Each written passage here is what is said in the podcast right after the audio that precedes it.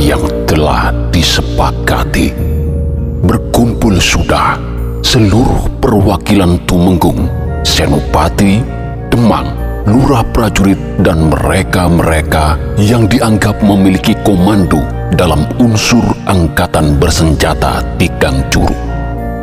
Mereka hadir di Katemunggungan Sadeng menggunakan berbagai perahu maupun menunggang kuda. Untuk beberapa saat, Rabangkal memimpin pertemuan dan lebih memperjelas perintah darurat yang telah disampaikan sebelumnya oleh Wirota kepadanya. Terjadi sejumlah perbincangan dan tanya jawab agar rencana benar-benar dipahami oleh siapa saja. Ketika semuanya sudah mulai memiliki rencana-rencana turunan, dihadirkanlah Wirota untuk mengetahui secara langsung rencana-rencana tersebut.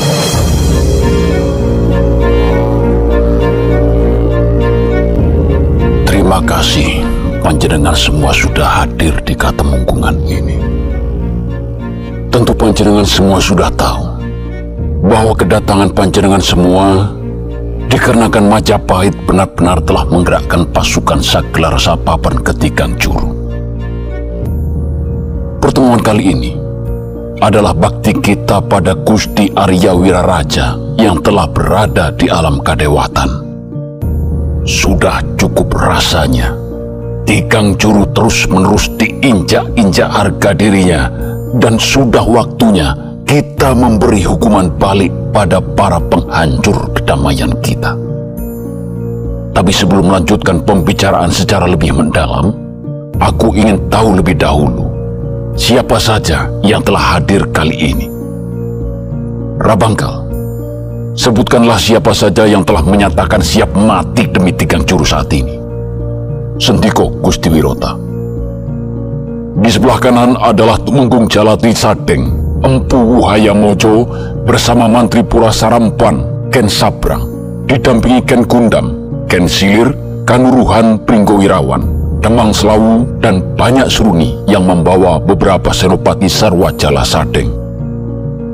Juga hadir dari Pakembangan, Rajanten, Pakuwaja, Kelapang Leprak, dan pemimpin Padepongan Telik Sandi Tamangsil Lembu Koncer yang juga hadir bersama sejumlah perwiranya.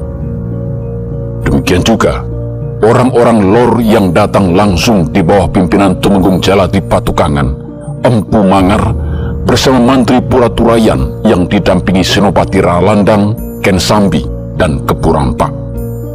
Mereka akan melaporkan hasil pertemuan ini kepada Sang Arya Wiradikara di Keta.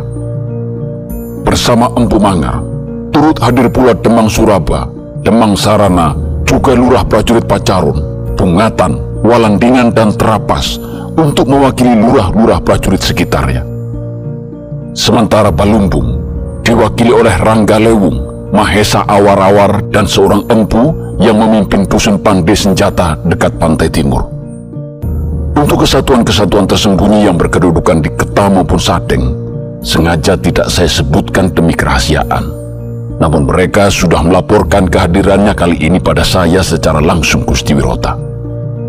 Terima kasih, Rapangka. Uh, tapi aku tidak melihat Rawindan. Rawindan tidak mungkin meninggalkan posnya Gusti Wirota.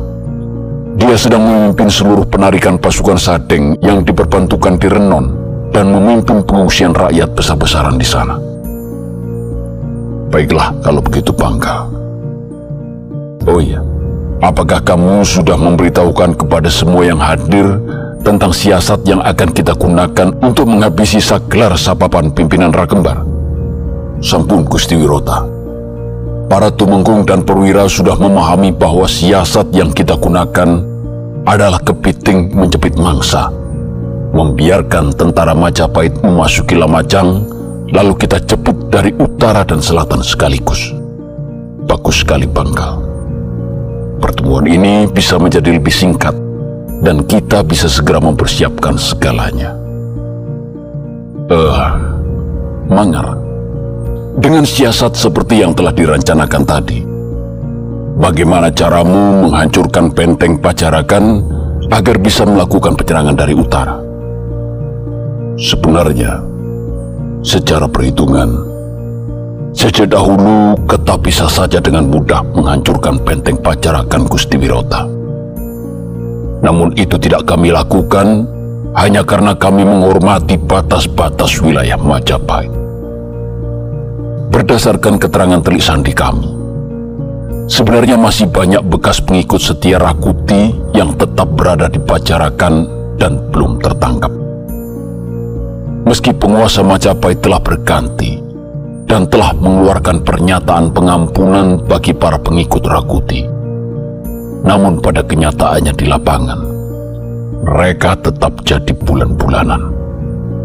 Para prajurit Majapahit di tingkat bawah masih memburu dan menangkapi mereka. Tidak peduli mereka terlibat langsung atau tidak langsung dalam peristiwa Rakuti. Tidak peduli mereka dari kalangan pengrajin, pujangga, petani, nelayan, atau sekedar ikut-ikutan saja. Kami mengetahui bahwa tindakan itu sebenarnya hanya untuk akal-akalan saja, karena tujuan utama mereka hanyalah untuk merampas tanah dan harta benda secara sepihak. Itulah mengapa para bekas pengikut Rakuti pada akhirnya membangun gerakan bawah tanah dalam rangka melawan penindasan prajurit-prajurit rendahan pacarakan. Telik sandi kami telah sekian lama membangun hubungan dengan mereka, bahkan siap diajak bekerja sama jika sewaktu-waktu diperlukan. Ketika Majapahit telah menuju Renon, saya berencana untuk mulai meminta bantuan mereka dalam penyerangan ke benteng Pacarakan. Mereka mengetahui berbagai jalan tikus menuju titik-titik lemah seputar benteng. Dengan demikian, kami bisa dengan mudah memasukinya dan lantas menguasainya, Gusti Wirata. Hmm. Dari arah mana kamu akan menyerang benteng? Serangan pertama langsung dari arah utara Gusti Wirota, dari laut. Namun, tanpa menggunakan cung, agar tidak terlihat para pemantau laut Majapahit. Maksudmu, kamu akan mengerahkan jala tiketa dengan cara menyelam dan merayap di batas pantai? Benar, Gusti Wirota.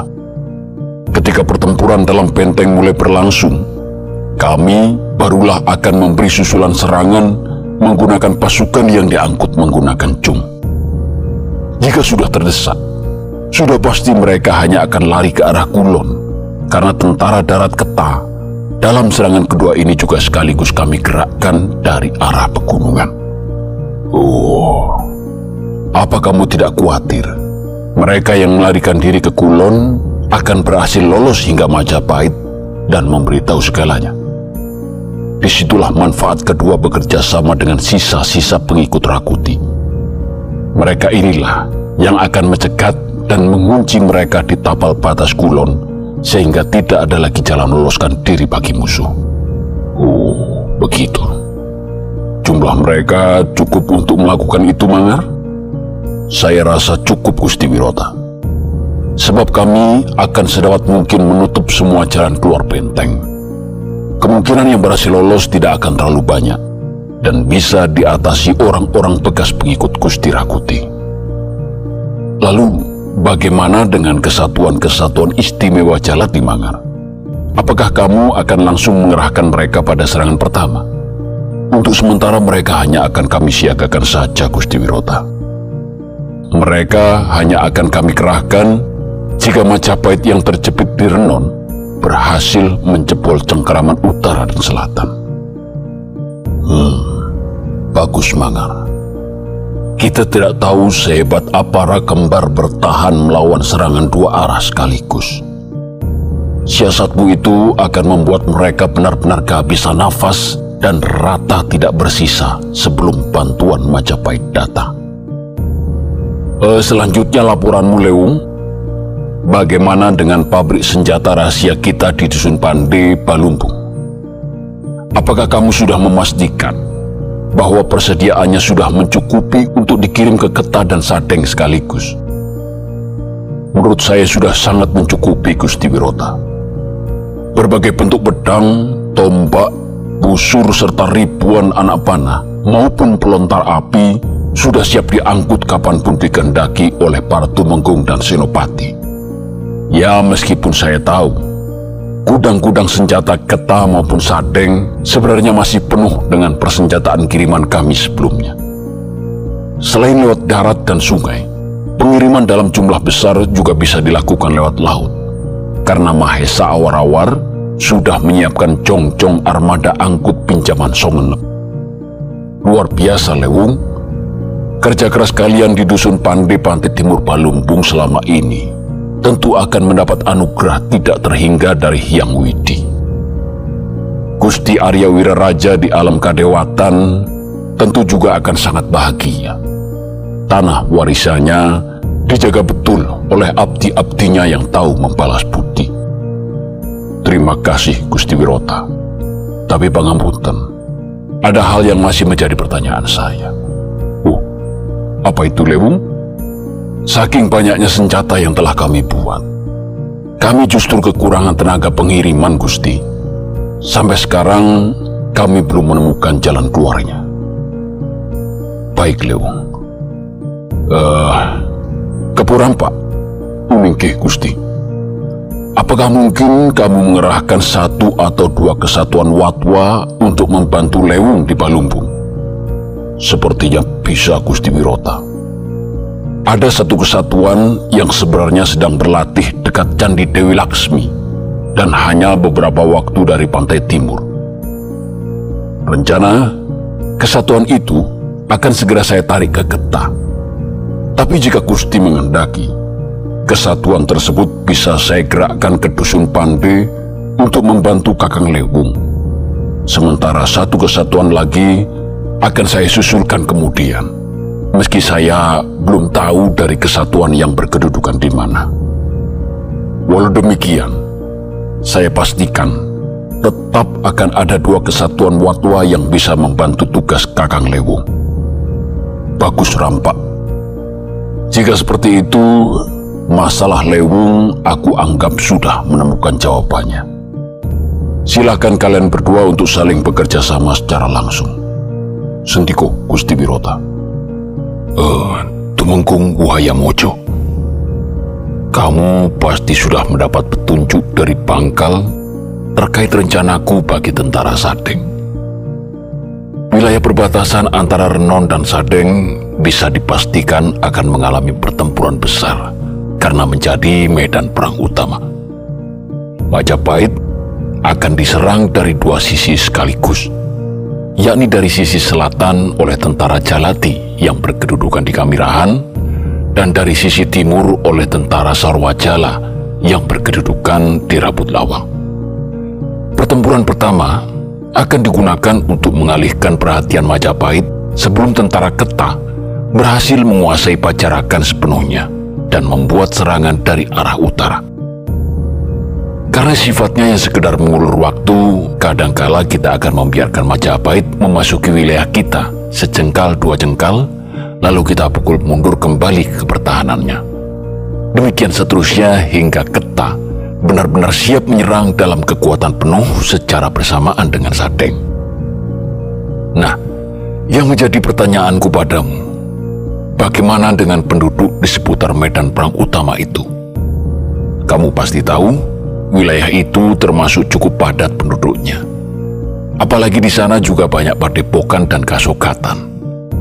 Bagaimana jalan keluarmu untuk menghindari korban di pihak rakyat biasa? Seperti juga berbagai perang yang terjadi selama ini. Korban di pihak rakyat tidak pernah bisa dihindarkan Gusti Wirota. Namun tentu saja saya akan berusaha mengecilkan jumlah korban rakyat semampu saya dengan membentuk satuan istimewa yang bertugas memindahkan penduduk sebanyak mungkin dari wilayah medan perang utama. Saya juga akan mengirim utusan pada Rawindan untuk meminta agar para pengungsi Renon, utamanya keluarga prajurit Sadeng yang mengikuti suami atau ayahnya bertugas di sana, agar langsung menuju Balung melalui sungai. Jangan sampai mereka justru menumpuk di wilayah Dampar atau Balater.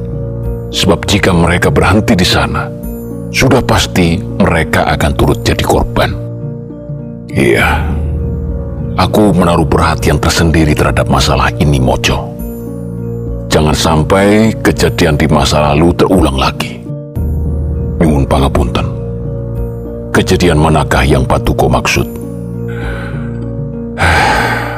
Dahulu, ketika Lamajang jatuh, Gusti Nambi dan keluarganya terpaksa meloloskan diri. Para pejabat Lamajang juga turut melarikan diri entah ke mana. Seluruh abdi talem dan pegawai negara meninggalkan posnya, meski sebenarnya mereka bukan prajurit dan tidak terlibat langsung dalam perang. Akibatnya, rakyat Lamajang menjadi kebingungan. Kepanikan terjadi di mana-mana.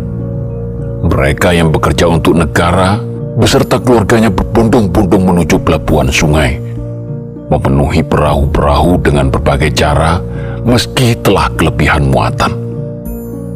Akibatnya, tidak sedikit terjadi kecelakaan. Beberapa perahu tenggelam beserta penumpangnya.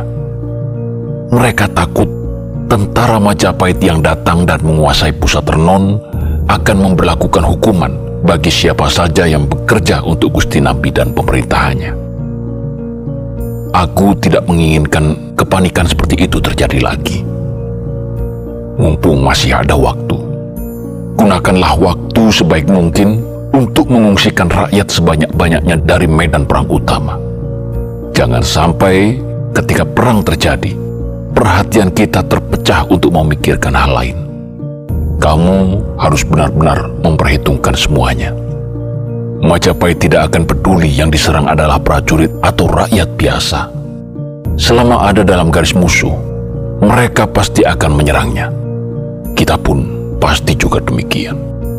Saya butuh waktu tersendiri dengan para senopati Sadeng untuk membicarakan masalah ini, Gusti Birota.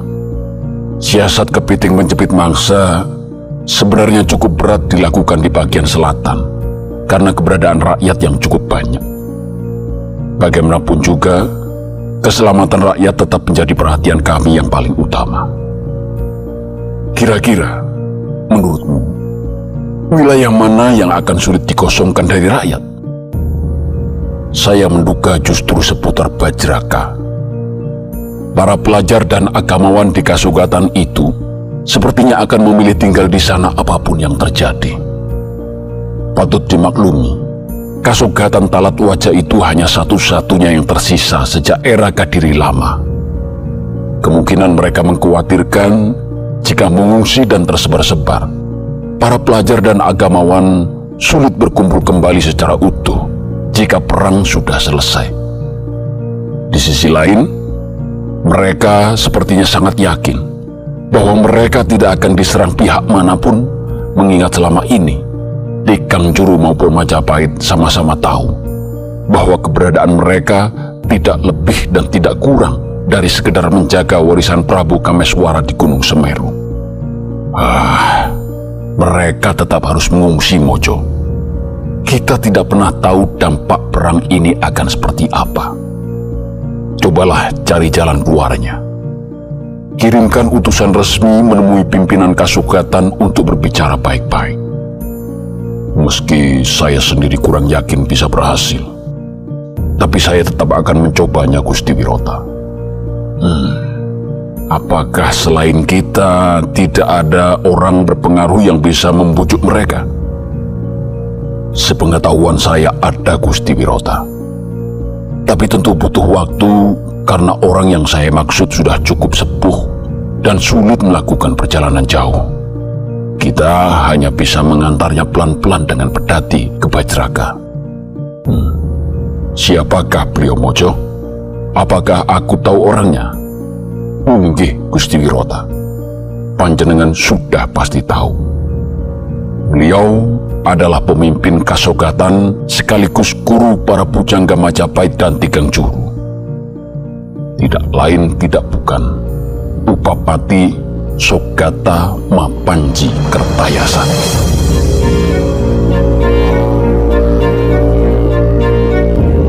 Terhenyak Wirota mendengar Map Panji Kertayasa disebutkan, terasa lemas lungrah seluruh tubuhnya. Telah lama Wirota tidak sowan ke Kasogatanya, padahal sangat mungkin pengaruhnya di Majapahit mampu mencegah terjadinya perang di antara kedua belah pihak. Di sisi lain, atas restu Gusti Ratu Tribuana, Mapatih Amangkubumi memerintahkan Mantri Njaba untuk mengirim utusan ke Wetan menyusul Rakembar dengan misi membatalkan usaha penyerangan Rakembar. Menyadari bahwa Rakembar adalah bangsawan, maka kesatuan yang ditugaskannya pun juga berasal dari para bangsawan. Mereka berasal dari lima kesatuan yang berbeda, dan setiap kesatuan terdiri dari lima orang berpengaruh di bawah pimpinan berpangkat bekal. Lima kesatuan berpanji warna-warni itu berhasil menyusul Rakembar sebelum memasuki Pacarakan. Kebetulan, seluruh prajurit Saglar Sapapan sedang beristirahat cukup lama di tengah hutan. Meski berasal dari kesatuan bangsawan, Rakembar tetap meremehkan mereka, apalagi setelah mengetahui bahwa mereka paling tinggi berpangkat perwira pertama. Rakembar menerima mereka secara tidak sopan, yakni dengan cara duduk di atas pohon yang roboh dan mempermainkannya layaknya menunggang kuda. Tentu saja, sikap Rakembar ini menyinggung perasaan Arya Rahu yang membawa tanda kebesaran Mapate Amangkupu.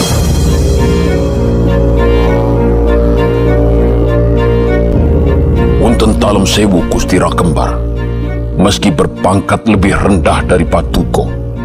Saat ini saya dibekali pusaka dan tanda kebesaran Mapatih Amangkubung.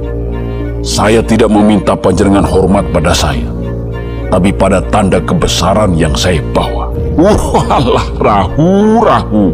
Perwira pertama tapi lagakmu sumber langit sekali. Mengajariku menghormat benda mati pula. Aku tidak ada urusan dengan kalian semua. Apa yang aku lakukan ini adalah demi Majapahit. Aku tidak rela Majapahit dikecilkan orang-orang tikang curu yang tidak seberapa. Hei, Rahu, kamu tahu di dalam hidungku ada apanya? Hehehe, tidak perlu dijawab, tidak perlu dijawab. Kamu pasti sungkan mau menyebut ada upilnya toh? Iya, memang upil. Kehebatan tempur orang-orang tigang juru itu ya cuma sebesar upilku ini. Aku kemas. Kenapa melawan kekuatan sebesar upil saja? Majapahit terlalu banyak berpikir. Saya tidak berwenang untuk memberikan bantahan Gusti Rakembar. Saya hanya diberi wewenang untuk meminta panjenengan menarik pasukan. Gusti Patih tidak menghendaki masalah wetan diselesaikan dengan jalan peperangan. Lagi pula, panjenengan bergerak di luar kewenangan dan perintah resmi. Oh, oh, oh, oh, oh, aku tahu, aku tahu. Maksudmu, aku dan semua yang terlanjur sampai di sini diminta pulang untuk mendapat hukuman, bukan? Hei, hei, hei, hei. Kamu pernah mencium bau ketiakku setelah berlatih atau bertempur, Rahu? Ya, ya, ya, tidak usah dijawab, tidak usah dijawab, karena memang baunya kecut seperti omonganmu. Begini saja, aku ada beberapa kepeng yang kebetulan aku selipkan di staginku ini. Akan aku bagi-bagi ke kalian semua untuk beli jajanan kecil sebagai sangu pulang. Ya, kalian pulang saja dan minta pupuk popo biung kalian. Tidur yang pulas Jangan ngompol dan jangan ikut campur lagi urusan orang dewasa yang bisa bikin anak seberapapun mereka mau. Ya, gitu ya. Saya tidak sedang bercanda Gustira Kembar. Sekali lagi, berdasarkan laporan yang masuk, panjenengan berniat untuk mengepung Sadeng dan menyerang mereka. Hal itu sama sekali tidak dikendaki. Jika panjenengan tidak mengidahkan perintah dengan tanda kebesaran patih amangku bumi yang kami bawa, kami punya kewenangan menangkap Kustira Kembar dan siapa saja yang melawan.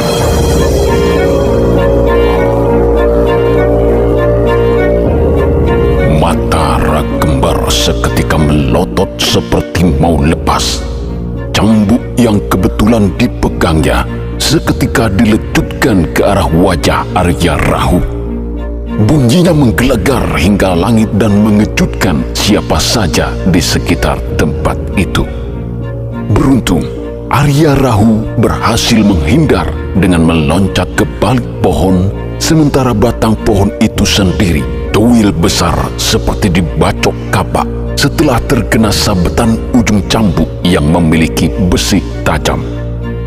Suara lecutan itu membuat lembu peteng, cabung tarwes, ikal-ikalan bang, dan puluhan prajurit yang kebetulan berada tidak jauh dari tempat itu berlari mendekat ke asal suara.